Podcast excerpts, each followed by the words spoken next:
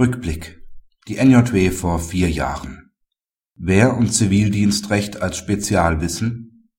Nach § 14 Absatz 1 Satz 1 RVG und der Vorgängervorschrift des § 12 Absatz 1 Satz 1 BRAGO bestimmt der Rechtsanwalt bei Rahmengebühren die Gebühr im Einzelfall unter Berücksichtigung aller Umstände. Demgemäß kann das Tätigwerden des Rechtsanwalts in einer bestimmten Sachmaterie für sich gesehen nicht geeignet sein eine überdurchschnittliche Schwierigkeit der anwaltlichen Tätigkeit im Sinne von § 12 Absatz 1 Satz 1 Brago zu begründen, urteilte das Bundesverwaltungsgericht in der NJW von vor vier Jahren (NJW 2006, Seite 247).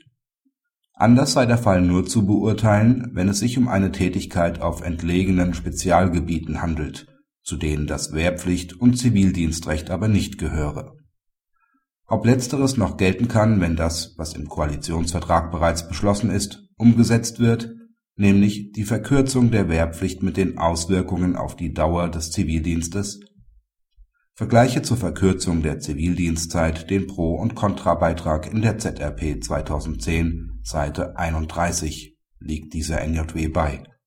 Die Verfahren um Tauglichkeitsüberprüfung, Einberufung Zurückstellung und Anerkennung als Kriegsdienstverweigerer aus Gewissensgründen dürften bei dieser Entwicklung wohl mehr und mehr zurückgehen